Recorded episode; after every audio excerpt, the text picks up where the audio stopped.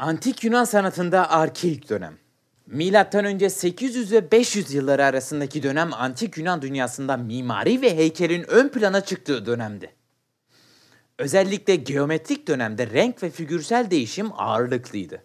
Arkeik dönemde figürlerin gerçekçi portreleri çizilmeye başlandı. Yunanlar Mısırlardan öğrendikleri bilgilerle mermer heykellerin boyun kısımlarını saç motifi yaparak boyun bölgesini güçlendirmiş heykeller yaptılar. Bacakların duruşunu da dengeyi artıracak şekilde aralamayı öğrendiler. Arkeik dönem çeşitli dalların çoğalmasını sağladı.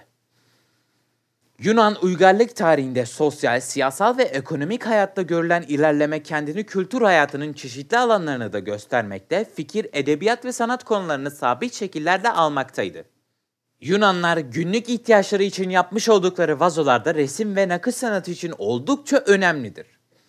Ressamlar sadece insan figürünü ele almakla kalmamış, birçok frizde birbirleriyle ilgili kompozisyonlar da dahil olmak üzere oldukça büyük kompozisyonları meydana getirmesini bilmiş ve en çok mitolojik konulara başvurmuşlardı.